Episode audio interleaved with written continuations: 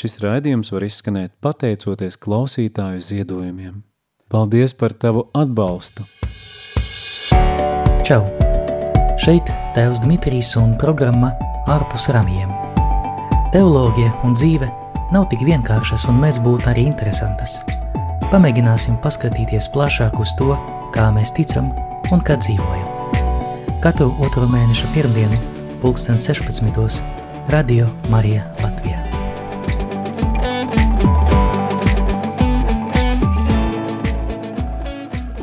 Labrīt, labrīt, labvakar, labvakar. Oh, es jau kļūdījos, ja visu dienu šodien esmu uh, uz kājām. Šeit priesteris Dmitrijs un uh, programma ārpus rāmjiem. Šeit, kad bija iebraucis studijā, man jau bija pateikuši, ka manu programmu, manu programmu esot pārdevējuši par programmu ar aiz, aiz aizvērtām durvīm, bet noteikti tā ir kaut kāda cita programma. Dargie draugi, Šodien es gribētu parunāt par vienu tādu tēmu, kas man liekas um, ļoti, ļoti svarīga. Jo um, lasot dažādas uh, ziņas, dažādos portālos par uh, notikumiem dažādās valstīs, it īpaši par priesteriem, esmu sastāpies ar tādu interesantu tematiku man ļoti mīļajā Polijā, um, kā daži gariznieki saka, ka viņam esot kaut, kāds, kaut kāda slimība, ka gariznieki aiziet projām. Un es atceros no saviem vēl seminarista gadiem, ka mans garīgais vadītājs kādreiz teica tā, ja priestera, un ne tikai priesteri, bet arī konsekrētas personas vai kāda cilvēka dzīvē, laja dzīvē, iestājas krīze, ka gribās aiziet projām, ka gribās radikāli kaut ko mainīt, gribās atmest ar roku un uh, atstāt baznīcu, apvainojoties uz to, tad pirmais jautājums, kas būtu jāuzdot, a, kas ir tavs gar garīgais vadītājs? Kas tevi vadīja visus šos gadus? Kas tev palīdzēja tavos garīgajos meklējumos? Šodien es gribētu pievērst uzmanību tieši šai tēmai, kas man šķiet mūsdienu kontekstā, ka cilvēkiem ir Eh, labāka izglītība, ka cilvēki un lielāks cilvēku skaits vēlās mm, atrodas meklējumos, eh, vai mums ir vajadzīga šī garīga vadība un vispār kas tāda ir. Ja mēs ieskatīsimies eh, garīgas vadības tādā vēsturiskā skicē, ļoti, ļoti, ļoti īsi, jāpasaka skaidri, ka mm, Baznīcas vēsturē eh, garīgas vadības modeļi bija ļoti dažādi. Eh, pirmais garīgas vadības modelis, protams, ir pats Jēzus Kristus, kurš mācīja apustuļus, kurš parādīja viņiem ceļu, kurš uh, viņus uzmundrināja, un arī, ja vajadzēja kaut kādā veidā viņiem, viņus palamāt, pateiksim tā, tad arī viņš to arī darīja. Protams, laika gaitā, kad pēc Jēzus uh, augšām celšanās, pēc viņa uzkāpšanas debesīs šo lomu bija pārņēmuši apustuļi, bīskapi, kad izveidojās klostera dzīve, tad uh, pirmie garīgi vadītāji šajās kopienās bija arī tie paši kopienu dibinātāji.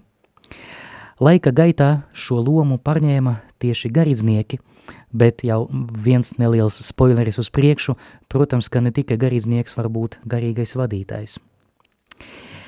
Vēl viena lieta, kurai es gribētu pievērst uzmanību, runājot par garīgu vadību, tas ir mm, jēdzienu um, noteikšana.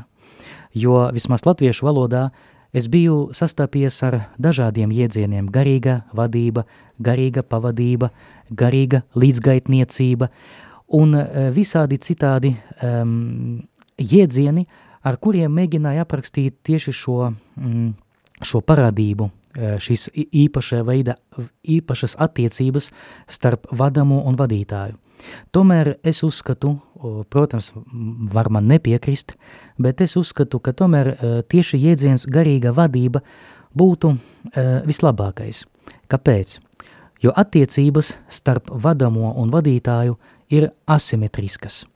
Tā nav kaut kādā garīga draudzība, Tas nav kaut kāda um, līdzgaitniecība, kaut arī ietver šo uh, aspektu, bet tomēr vadītais ir nostādīts tādā līmenī, ka viņš ir tas, kurš dod padomus, ka viņš ir tas, kurš palīdz. Viņš ir tas, kurš ir vairāk zinošs vai vairāk pieredzējošs. Un tieši jēdziens garīga vadība norāda uz tām asimetriskām attiecībām.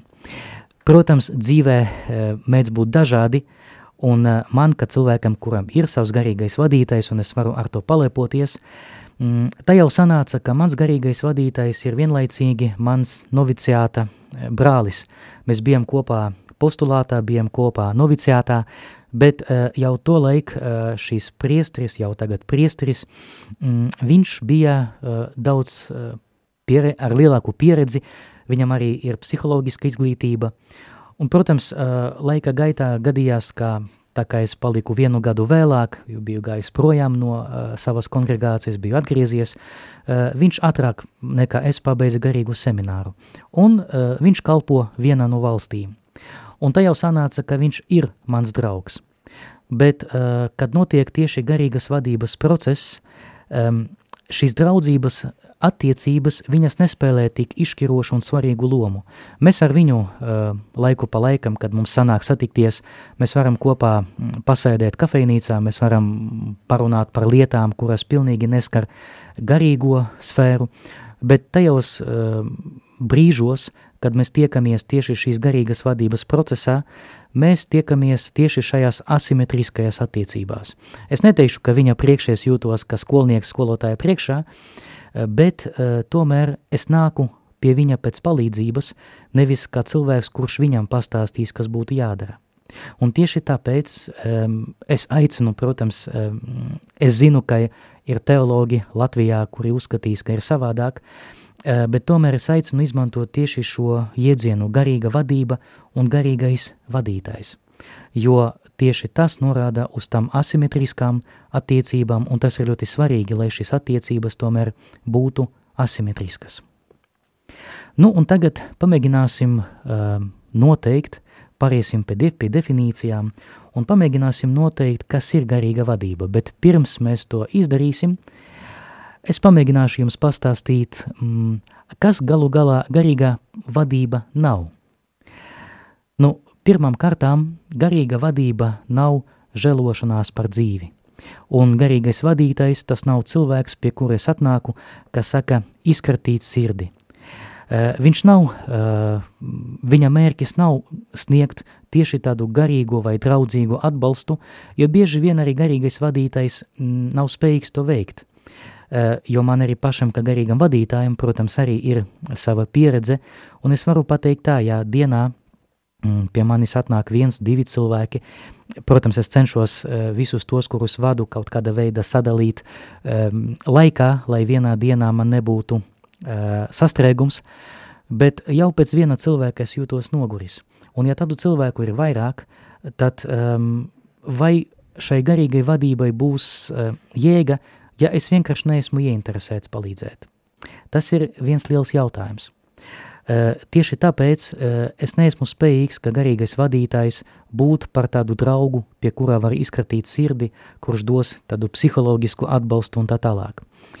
Otra lieta – garīga vadība nekada gadījuma nav psihoterapija. Tagad es pateikšu lietu, par kuru mm, viens otrs garīdznieks gribēs man mest akmeni, bet, nu, paldies Dievam, ka parādījo tas nav iespējams. Uh, bet uh, neviens priesteris, ja viņam nav psiholoģiskas izglītības, viņš nav um, kompetents, lai veikt psih psihoterapiju. Uh, nepietiek tikai izlasīt kaut kādu zinātniski populāro grāmatu par psiholoģiju, es pat biju sastapies ar tādu uh, interesantu mm, apgalvojumu. Protams, es nesaukšu vārdus, bet diskreditēšu no visām pusēm arī vienu otru gariznieku. Uh, Eh, bet, kad viens no garīdzniekiem pateica, es varu vadīt cilvēkus mierīgi, ja es biju lasījis pāris grāmatas.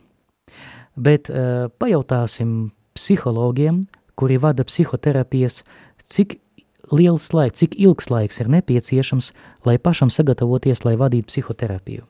Tas nav divu, divu grāmatu lasīšanas jautājums, bet tas ir vairāku gadu, pat nosauksim to tā, formācijas laiks. Zinu, jo arī pats, es domāju, ka nav ko te slēpt, arī pats biju sava laika gājis psihoterapiju, un tas man ļoti palīdzēja. Varbūt par to būtu jāizsakas psihoterapeitiem, bet arī tas cilvēks, pie kura es biju gājis, arī bija gatavojies tam, lai kļūtu par psihoterapeitu. Tāpēc priesteris noteikti nav terapeits. Priesteris nav tas, kas palīdzēs ar psiholoģiskām problēmām, nerunājot jau par psihiatriskām problēmām. Protams, priesteris var būt pirmā kontakta cilvēks, bet viņam jābūt pietiekoši gudram, lai apzināties savas, savu kompetenci robežas. Un tāpēc, ja gadījumā garīga vadībā mēs saskaramies ar uh, mēģinājumiem veikt psihoterapiju vai uh, mēģināt psiholoģiski palīdzēt kādam, man rodas jautājums, vai tā ir vēl garīga vadība, vai gadījumā tas ir, tas ir psihoterapijas mm, mēģinājumi. Tāpēc, kā jau teicu, garīga vadība nav atbalsts, tādā ziņā, ka psiholoģiskais atbalsts, garīga vadība noteikti nav psihoterapija, bet arī garīga vadība nav tikai papļāpāšana par abstraktām uh, garīgām lietām. Ja mēs gribam runāt par garīgām lietām, abstrakti, abstrahējot no personības, no uh, pašas savas pieredzes, tad šajā gadījumā mēs varam pateikt, ka tas ir teoloģiska saruna vai teoloģiskais disputs. Ja ir vairāki cilvēki, mēs jau varam to pateikt, nu, mēs to varētu to nosaukt par mm, lek te lekciju teoloģijā. Tā kā šeit mēs arī varam pateikt, ka garīga vadība noteikti nav uh, teoloģiska saruna vai lekcija. Bet uh, es domāju, ka es jau pietiekoši daudz jūs esmu pamocījis, pariesim pie uh, definīcijas. Sākumā es šo definīciju izlasīšu, šo definīciju esmu paslē, paslē, pasmēlis no garīgas dzīves teoloģijas leksikona, tas ir katrā teologa, kurš nodarbojas ar garīgu dzīvi, tāda rokas grāmata vai grāmata, kura jābūt uz galda, nevis paslēptie kaut kur plauktos. Un tieši šis leksikons dod tādu definīciju. Garīga vadība ir uz dialoga balstīta individuālā garīga palīdzība cilvēkam viņa ceļā uz kristīgo pilnību. Es apzinos, ka šīs, šī definīcija, viņa skan eh, nu, mazliet tā kā tāda baznīcas terminologija ļoti pareizi un skaisti, bet ļoti kondensēti, un tāpēc pamēģināsim katru no, šiem, no šīs definīcijas daļām uh, aplūkot atsevišķi. Vadība ir garīga. Tas nozīmē, ka šis vadības mērķis ir cilvēka tuvošanas dievam, viņa garīga pilnība. Es domāju, ka māsas no prosanktitāte kustības jau vairāk zinās pastāstīt par svētumu, bet garīgas vadības mērķis ir tieši tāds – pamēģināt cilvēkam būt svētam. Neiet runa par tādu uzvedību, ja, kuru mēs esam pieraduši dēvēt par svētu uzvedību, iet runā par nostāju, iet runā par attiecībām ar Dievu. Jo, pateiksim skaidri, nekas nesvēts Dieva valstība neieies, neviens, kas nebūs svēts, viņa valstība neieies. Un tāpēc mēs visi esam uz svētumu aicināti, mēs visi esam aicināti uz to, lai nobriest līdz tādam līmenim, lai būtu mūsu Dieva cienīgi, lai būtu uh, tādi cilvēki, uh, kuri ir gatavi iet debesu valstībā, kuri ir piepildīti ar Dieva mīlestību, kuri ir spējīgi mīlēt gan Dievu, gan, gan Dievu, gan tuvāko tā, kā Kristus mūs ir mācījis. Un tieši tas ir mērķis. Un garīga vadība tikai tad ir garīga vadība, kad primārais un galvenais mērķis ir tieši tas – būt svētākam, dzīvot uh, dzīvi svētāku nekā tas ir bijis līdz šim. Un tas ir ļoti labs verifikācijas kritērijs. Ja es daudzus gadus uh, cīnos, ja es nekļūstu labāks, protams, tas nenotiek uh, uzreiz, tas notiek ļoti pakāpeniski, bet mēs varam, mēs varam kaut kādā veidā, skatoties atpakaļ, verificēt savu noieto ceļu, bet ja es nemainos, tad varbūt vērts pameklēt citu garīgu vadītāju. Par to, ja es neizmirsīšu, mēs gan arī parunāsim par, par tiem dažiem praktiskiem aspektiem. Bet pirmais – vadība ir garīga. Otrais moments, kas arī ir ļoti svarīgs, šī garīga vadība ir individuāla. Tas nozīmē, ka līdzīgi greksūdzei tas notiek divatā, divatā ar garīgu vadītāju, un viss, kas tiek pateikts garīgas vadības procesā, kaut arī nav, nav aptverts ar greksūdzes noslēpumu, kaut arī, ja garīgais vadītais ir priesteris, tas var notikt arī greksūdzes kontekstā, bet tas viss tomēr, tam visam tomēr ir jāpaliek noslēpums. Līdz ar to šī vadība pēc definīcijas viņa var būt individuāla ne tikai tāpēc, ka katrs no kristiešiem ir individuāla personība. Mēs visi atšķiramies, atšķiramies viens no otra, bet arī tāpēc, lai saglabātu šo noslēpumu, tieši tāpēc, lai šie padomi vai šī, šī gaisma vai šis, šie gaismekļi, ko dos garīgais vadītājs, ka viņi ir adresēti tieši šim vienīgam cilvēkam. Šeit es gribu pabrīdināt, ka tas, kas derētu vienam, ne obligāti varētu derēt citiem. Es zinu, ka piemēri parasti ļoti labi šis lietas ilustrē. Es pastāstīšu arī piemēru no sava, sava vēl noviciāta dzīves. Kad es biju iestājies Marijāņu kongregācijā, es biju diezgan tievs cilvēks. Tagad jau ar gadiem, protams, gadi nes arī savu svaru, arī fizisko, uh, bet kad es stājos noviciātā mm, pie sava auguma, es biju 56 kg viegls, pateiksim tā. Un uh, daļa no mūsu brāļiem, kuri bija diezgan stipri vīrieši, uh, izdomāja tādu lietu, kā dievbības dēļ viņi piekdienās gribēja gavēt ar maizi un ūdeni. Tas bija vēl uh, grūtāk, jo mūsu noviciātā tieši brokastīs uh, piekdienās bija nevis parasta maize, bet uh, svaigas bulciņas ar uh, biespienu, ar medu. Tas bija vislabākais ēdiens, uh, ko es biju ēdis noviciātā. Bet, protams, paklausības vadīts, tā kā mūs mācīja mūsu vadība, mūsu magistrs, mm, man, uh, es aizgāju pie viņa ar lūgumu, lai viņš man atļautu arī tāpat, ka viņi gavēt piekdienās ar maizi un ūdeni. Uz ko man magistrs pateica, ne, nekādā gadījumā, tu paskaties uz sevi, cik tievs tu esi. Ja tu būsi lielāks, nu tad gan jau varēsi, bet kamēr tu esi tik tievs, tad tu nevari, jo tas varētu kaitēt tava veselībai. Pateikt, ka es biju vīlies, mana magistrā tas ir nepateikt neko. Es patiešām biju vīlies, jo es gribēju būt paties mūks. Uh, cik tas smieklīgi skan šodien, bet toreiz te bija tāda neliela tragēdija manā dzīvē. Bet aizjot pie garīga tēva, mm, viņš man paskaidroja šo situāciju mazliet no citas per perspektīvas. Viņš pateica tā, bet paskaties – tavā mm, askēze, jeb tava gavēšana ne obligāti var būt fiziska. Tieši tas, ka tu paklausīji magistram, kaut arī tev, tev tas nebija patīkams un tev, tev tas nebija pie sirds, tas noteikti tev, tev tiks ieskaitīts kā plus, jo tu nepildīji savu gribu, bet vēlējies būt paklausīgs savam magistram, un tas ir tavs tikums. Tu vari izaugt šajā tikumā, jo tu esi izpildījis nevis to, kas tev bija patīkams, bet to, kas tev bija ne īpaši patīkams. Kaut arī gavēšana nav nemaz slikta lieta. Redziet, kas notiek. Tas pats magistrs bija atļāvis gavēt citiem cilvēkiem, citiem maniem brāļiem, bet bija aizliedzis man, jo katram pie katra viņam bija sava pieeja. Tāpat arī ir ar to individualitāti garīgajā vadībā. Tas, kas var derēt vienam, ne obligāti derēs citiem. Nav um, vienādu atbilžu uz eh, dažādiem vadamo, izmantosim šo iedzienu, vadamo jautājumiem. Tāpat, ka vadamie ir dažādi, tāpat arī dažādas ir pieejas, dažādi ir risinājumi, dažādi ir ceļi. Es vienmēr saku un vienmēr atgādinu, ka mēs, ja mēs skatāmies uz svētiem cilvēkiem, viņi mums kalpo kā piemēri, bet tas nenozīmē, ka mēs varam viņus attēlot pilnīgi tā, ka tas ir bijis viņu dzīvē. Atceros tādu gadījumu, kad viens no seminaristiem vēlējies būt kā tevs pio, tāds uh, tiešs, uh, varētu teikt, mazliet uh, ar tādu stingru raksturu attiecībā uz penitentiem, protams, seminarists vēl nebiktē, bet jau praktizēja šo tādu uh, um, interesantu uzvedības stilu, kāds bija tevam Pio.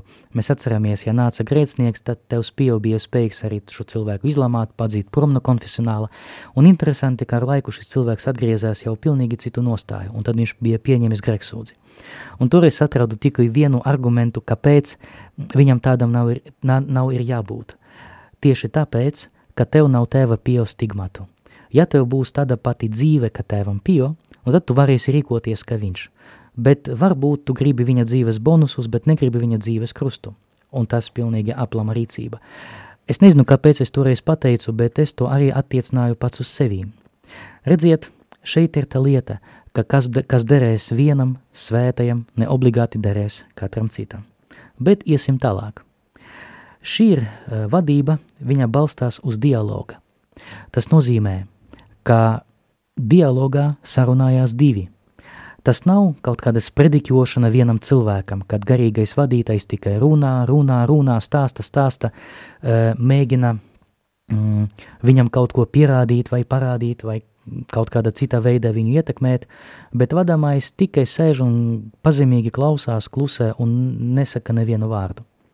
No otras puses, otra galējība var būt arī tāda, ka vadāmais visu laiku tikai runā, runā, runā, un garīgajiem vadītājiem nav kur pat vārdu iespraust šajā sarunā.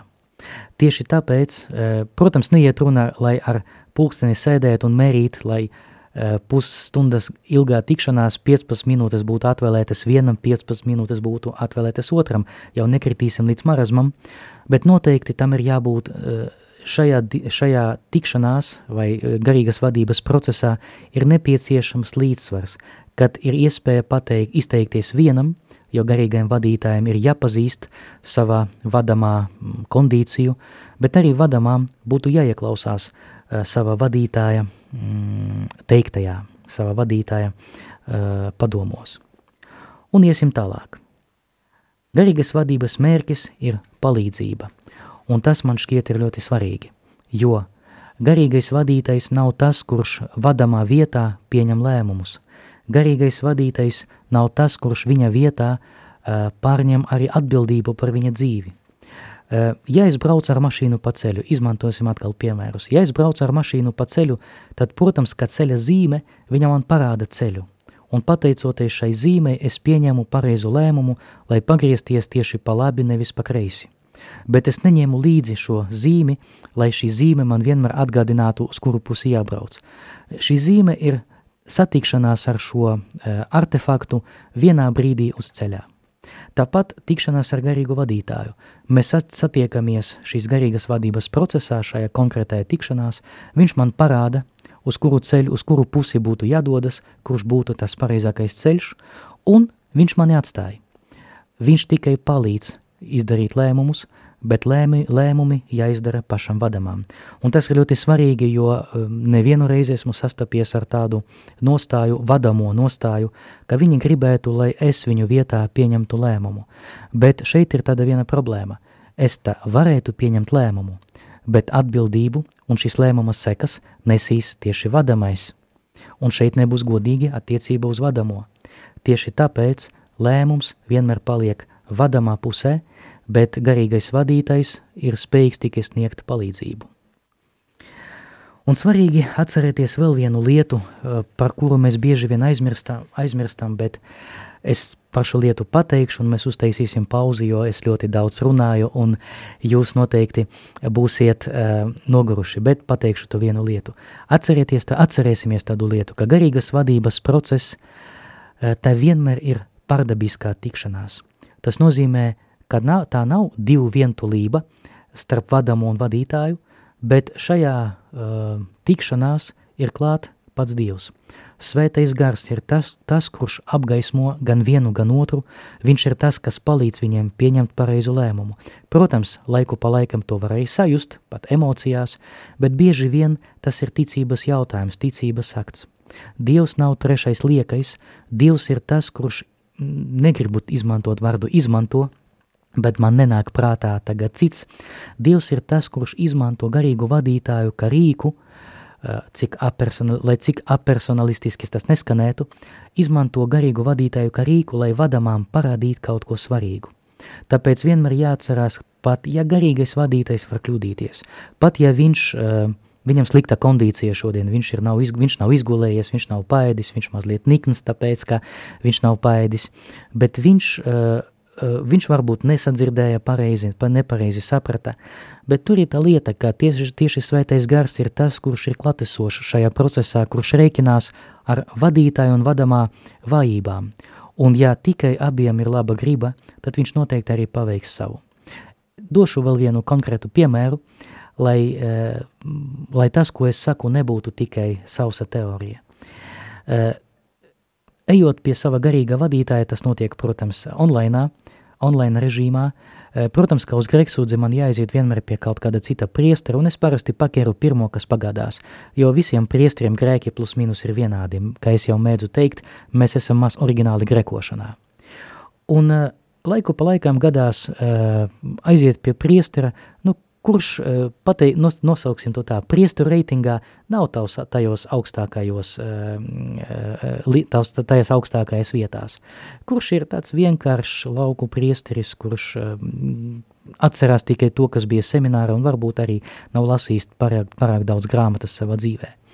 Un es biju izbrīnījis, ka arī tādi priesteri brīžiem dot ļoti labus padomus. Jā, šie, šie padomi ir vienkārši, bet arī viņi var būt par tādām zīmēm, kas palīdz man mana dzīves ceļā. Un, kā garīgais vadītais, vismaz dažām personām es varu apgalvot, ka brīžiem, kad cilvēks nāk un man kaut ko stāsta, es sēžu un lūdzos, nu, es taču nezinu, ko viņam pateikt.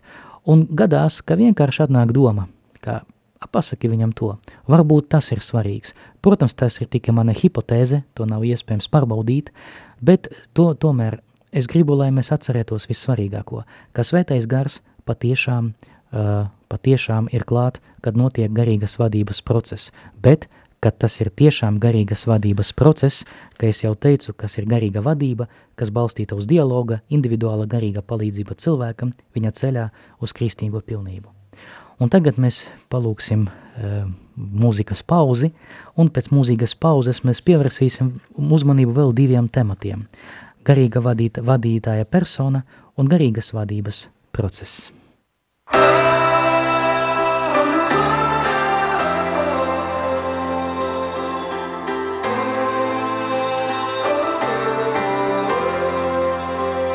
If grace was a kingdom, I stopped at the gate.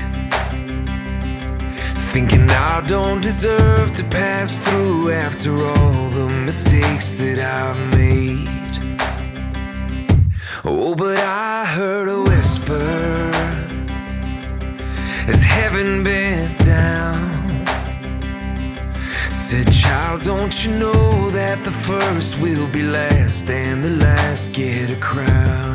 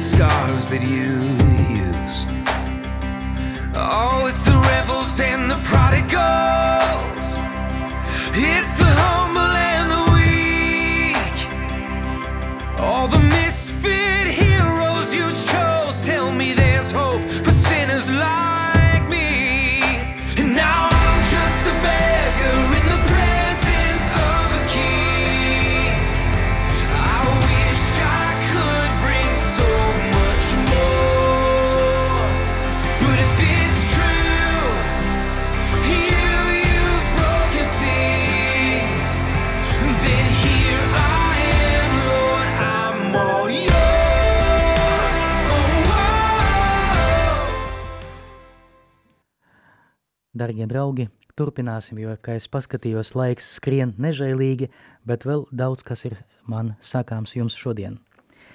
Pievērsīsim uzmanību jautājumu tam, kas var būt garīgais vadītājs, kādai jābūt personībai, kāds cilvēks varētu būt. Es atklāšu jums vienu noslēpumu, ka es biju izbrīnīts par to, kā īstenībā pat mūsu Latvi, nelielas Latvijas kontekstā kompetentu personu ir krietni vairāk nekā šķiet. Protams, nekon, nekompetentu arī ir pietiekami daudz, un tieši tāpēc es gribētu pievērst jums uzma, jūsu uzmanību garī, garīgās vadītājas, garīgā vadītāja personas jautājumam. Pirmam kārtām, garīgais vadītājs ir tāda persona, kas pati ņem dalību Dieva dzīvē. Tas nozīmē, ka viņam pašam, šai personai, pašai ir uh, attiecīga garīga pieredze, ka šī persona pati piekop savu garīgu dzīvi, ka pati meklē Dievu, varētu pateikt. Un visinteresantākais ir tas, varbūt dažiem tas būs atklājums, bet ceru, ka lielākai daļai tomēr nē, bet par garīgu vadītāju varbūt katrs kristietis, garīdznieks, konsekrēta persona, lais, vīrietis vai sieviete, ir, kuram ir pietiekošas zināšanas un pieredze garīgais dzīves jomā.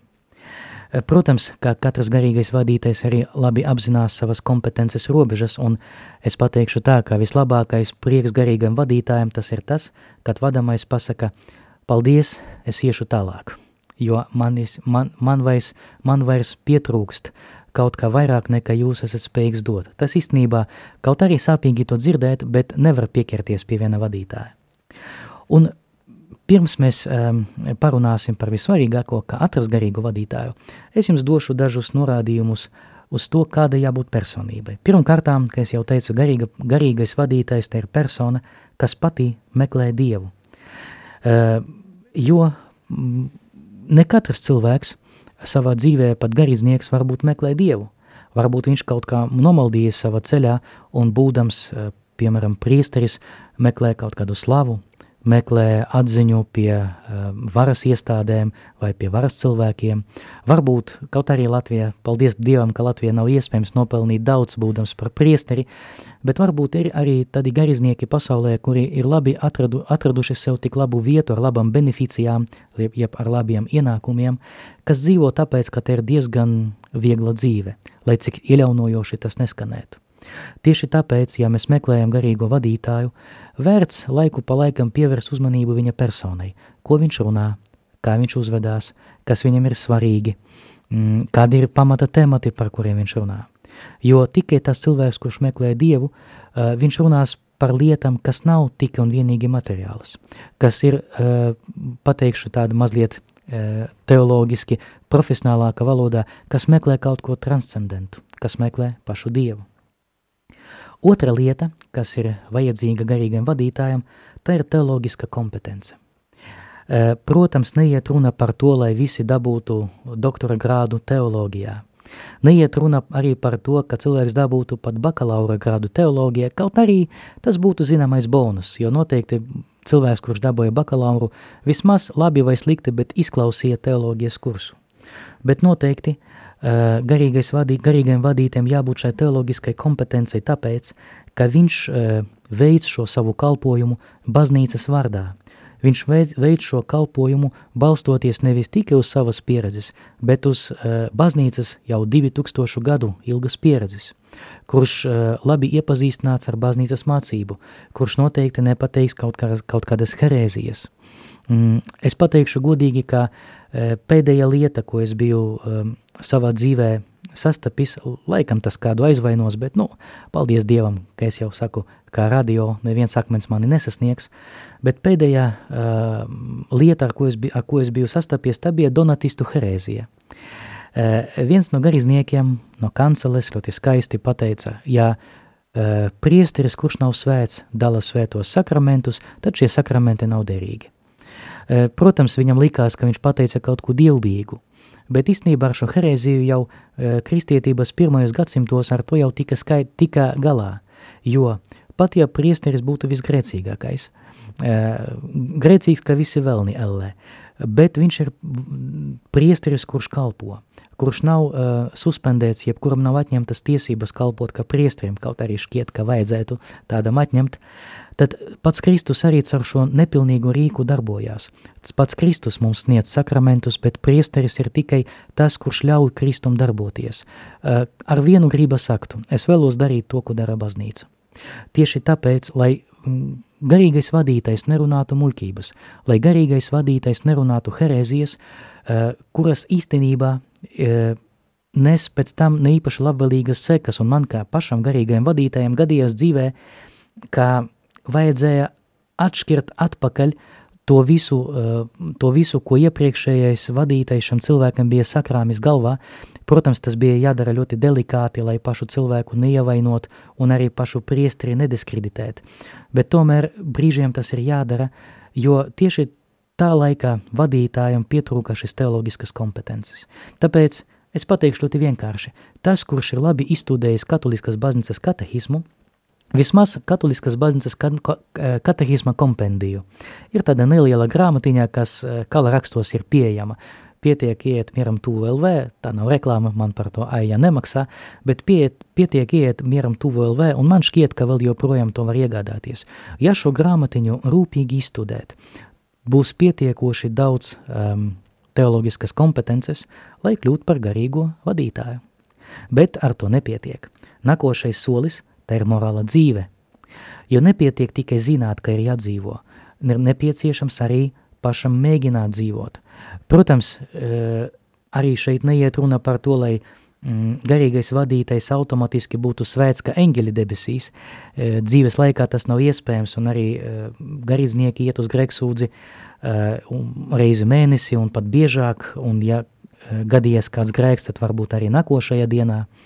Bet noteikti tas ir cilvēks, kurš cenšas, kurš cenšas iztenot šīs Kristus mācību, šo Kristus mācību arī savā ikdieniškajā dzīvē, ar saviem lēmumiem pierādot, ka Dievs ir viņam visaugstākā vērtība. Tā kā morāla dzīve, tas ir arī viens no aspektiem, par kuriem būtu jāatcerās. Ja tas ir laba klostermās, ja tas ir labs eh, priesteris ar labu reputāciju, nosauksim to atkal tā, ja tas ir labs vīrs vai sieva, vai eh, ja tas ir cilvēks, kurš dzīvo vientulnieka, vientulnieka dzīve, dzīve, jo arī eh, tāda opcija pastāv kristietībā, bet viņš cenšas dzīvot morālu dzīvi, tad ok, tas jau viens no faktoriem, kas ļauj viņam būt par garīgu vadītāju. Un varbūt arī pēdējā lieta, kura ir ļoti svarīga, Tas ir psiholoģiskais personas briedums. Uh, šim cilvēkam jābūt um, ar skaidru attīstītu sevis attēlu, spēju labi spriest par sevi, būt spējīgam savaldīt savas vajadzības un arī bez iekšējiem konfliktiem risināt, bez iekšējiem, uh, bez iekšējiem konfliktiem uh, risināt, varbūt savādāk es to pateikšu, cilvēkam, kurš ir spējīgs um, labā veidā risināt, risināt savus iekšējos konfliktus. Tas nozīmē, ja es esmu nikns, tas nozīmē, ka uh, kaut arī es esmu nikns un es vēlos kādam iesist, es tomēr to neizdarīšu, bet nesaspiežot savu niknumu, bet kanalizējot to citā veidā. Protams, tas ir tikai piemērs, jo katram no mums ir savi iekšējie konflikti. Nobrīdusi personība apzinās savu ierobežotību arī attiecību uz psiholoģisku sfēru. Tā kā šeit arī ir nepieciešams paskatīties, vai cilvēks ir, ir nobriedis kā kristietis, un vai tas ir nobriedis arī kā cilvēks. Jo, ja nē, tad viņam pašam vēl ceļš ir ejams. Gribu pateikt uzreiz, ka es neuzskatu sevi par nobriedušu cilvēku, bet no otras puses um, nevaru teikt, ka uh, zināma brieduma man trūkst, jo uh, galu galā, ja cilvēki saskatīja arī manī kādu kas varētu viņam, viņus vadīt, kuriem, kuram varētu uzticēties, tad varbūt arī tas liecina par to, kā man arī šis kaut kādā mērā šī īpašība piemīt. Bet no otras puses, protams, labs psihologs pateiks, ka pilnīgi nobriedušo mums nav. Nu, pilnīgi nobrieduši, pateiks teologs, mēs būsim tikai debesīs. Bet vai mēs briestam, vai mēs esam ceļā? Tas ir jautājums. Un pariesim pie praktiskam lietām. Mēģināsim uzdot sev jautājumu, bet kā galu galā atrast šo garīgo vadītāju? Vai tas ir iespējams Latvijas kontekstā? Mm, ja mēs paskatīsimies tīri mm, statistiski, tad uh, mums saka, ka katoļu ir no 200 līdz 300 tūkstošiem. Paņemsim video, 250 tūkstoši katoļu ir Latvijā. Protams, ne visiem ir vajadzīga garīga vadība, bet iedomāsimies, ka tikai 10% grib, lai viņam būtu garīgais vadītājs. Bet priesteru Latvijā ir ap 160. Mēģināsim sadalīt, cik uh, vienam priesterim būs to garīgu vadamo. Protams, nav iespējams aptvert visus. Bet, kā jau teicu, ka Latvijā ir daudz kompetentu cilvēku, kuri nav ordinēti par priesteriem. Es jau biju teicis un atgādināšu, ka par garīgu vadītāju var būt gan garīdznieks, gan lais, gan konsekrēta persona. Uh, tas nav atkarīgs no aicinājuma, Tas ir atkarīgs no vēlēšanās to darīt, vadīt citus cilvēkus. Protams, arī šim cilvēkam, kurš vēlās būt par garīgu vadītāju, būtu jāpaprasa savam garīgajam vadītājam. Vai jūs uzskatāt, ka es varētu, vai es varētu būt pats garīgais vadītājs, vai es varu palīdzēt kādam citam? Jo arī pats garīgais vadītājs vienmēr atrodas procesā, vienmēr atrodas uh, briešanas procesā, meklējumu procesā, atgriešanas procesā. Bet uh, ļoti svarīgi atcerēties, ka uh, tādu cilvēku ir daudz, bet kā viņus atrast? Tas ir fundamentāls jautājums. Pirmām kārtām es pateikšu tā. Dieva providence tas nav tikai tāds skaists vārds, lai kaut kādā veidā tikt galā ar dzīves sarežģījumiem un ar, ar šo vārdu paskaidrot visu. Dievs ir tas, kurš, noliek, kurš liek cilvēkus uz mūsu dzīves ceļa, kurš palīdz mums atrast to, to attiecīgo, kurš dod mums arī tādu intuitīvo um, sajūtu, nebaidīšos no šī vārda, tieši sajūtu, ka šis varētu būt. Var gadīties, ka es palūkšu vienu, otru, trešo, un uh, tikai tas ceturtais būs tas, kurš būs tas īstais uz šo manu dzīves posmu.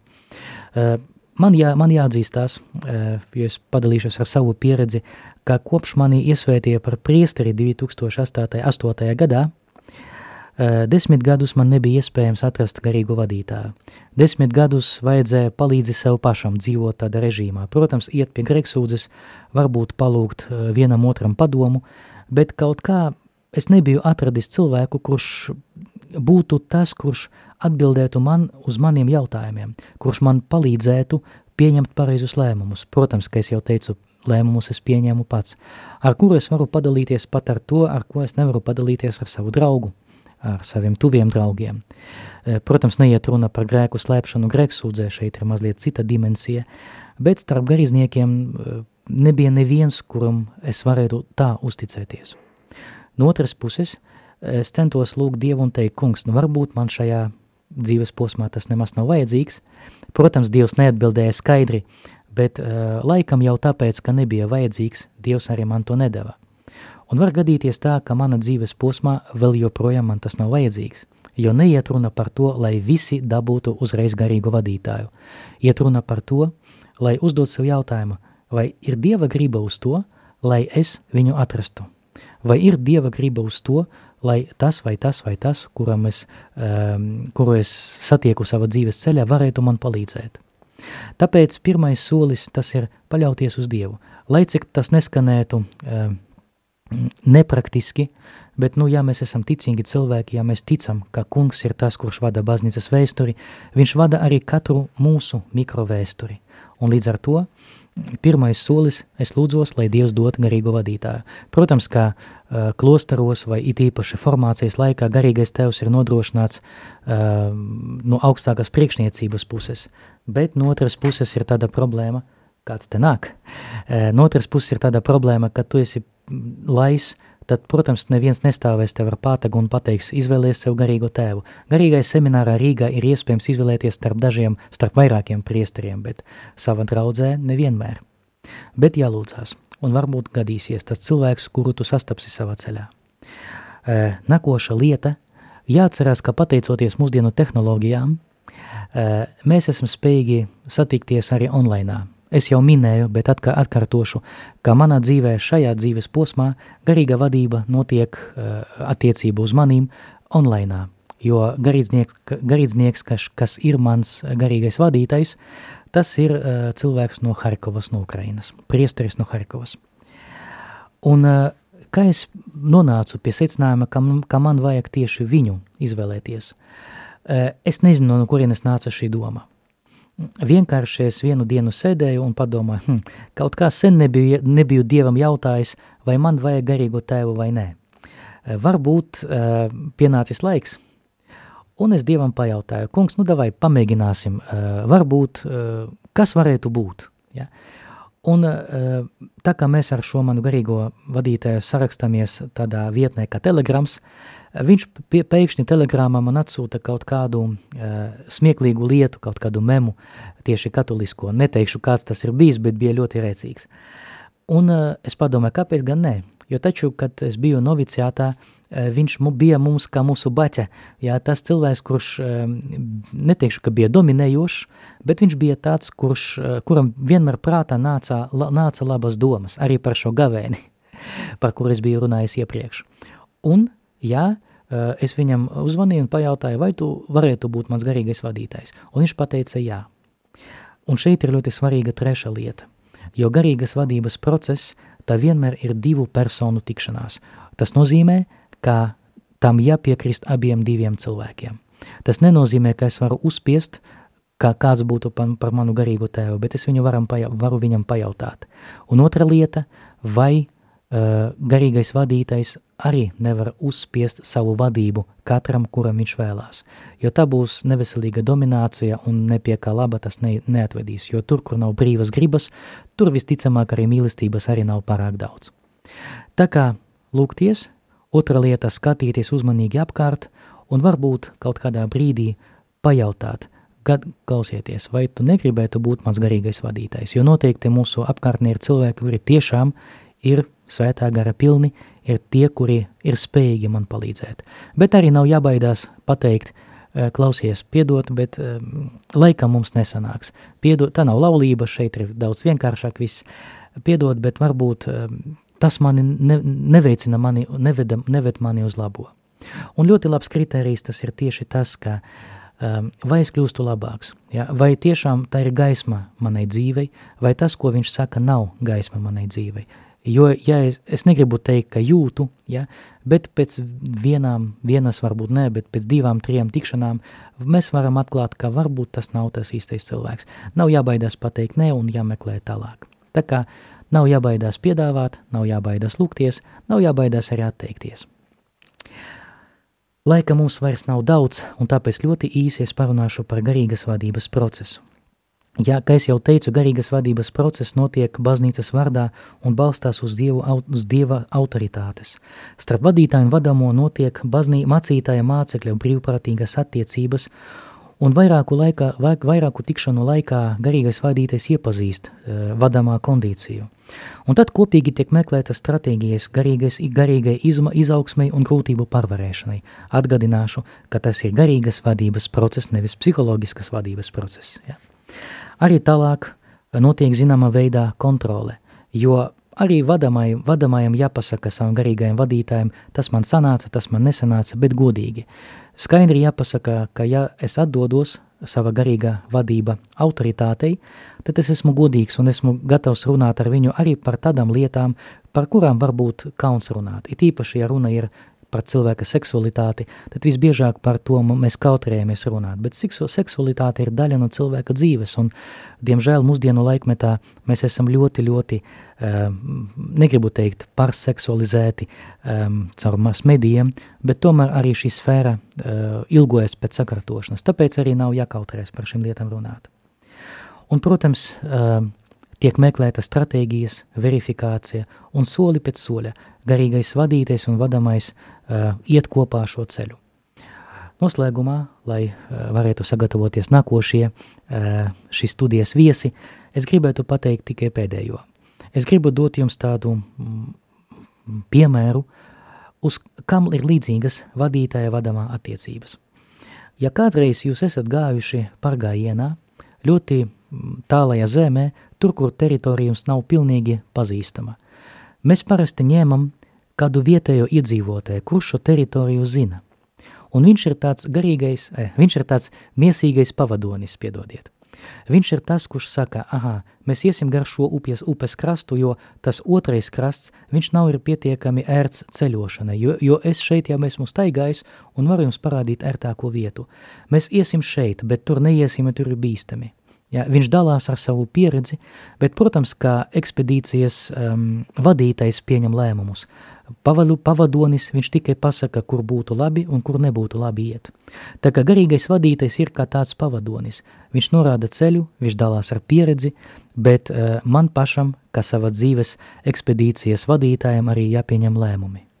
Tā izskatās tā garīga vadība vai garīga pavadība man patīk iedziens garīga vadība. Es ļoti ceru, ka tas bija mm, vismaz dažiem no mums ļoti vērtīgs materiāls un ceru, ka tas arī kalpos turpmāk. Paldies jums, dargi klausītāji! Visu labu! Čau! Atā! Ar Dievu! Čau! Šeit Tēvs Dmitrijs un programma Ārpus ramjiem. Teoloģija un dzīve nav tik vienkāršas un mēs būtu arī interesantas. Pamēģināsim paskatīties plašāk uz to, kā mēs ticam un kā dzīvojam. Katru otro mēneša pirmdienu, pulksten 16. Radio Marija Latvijā.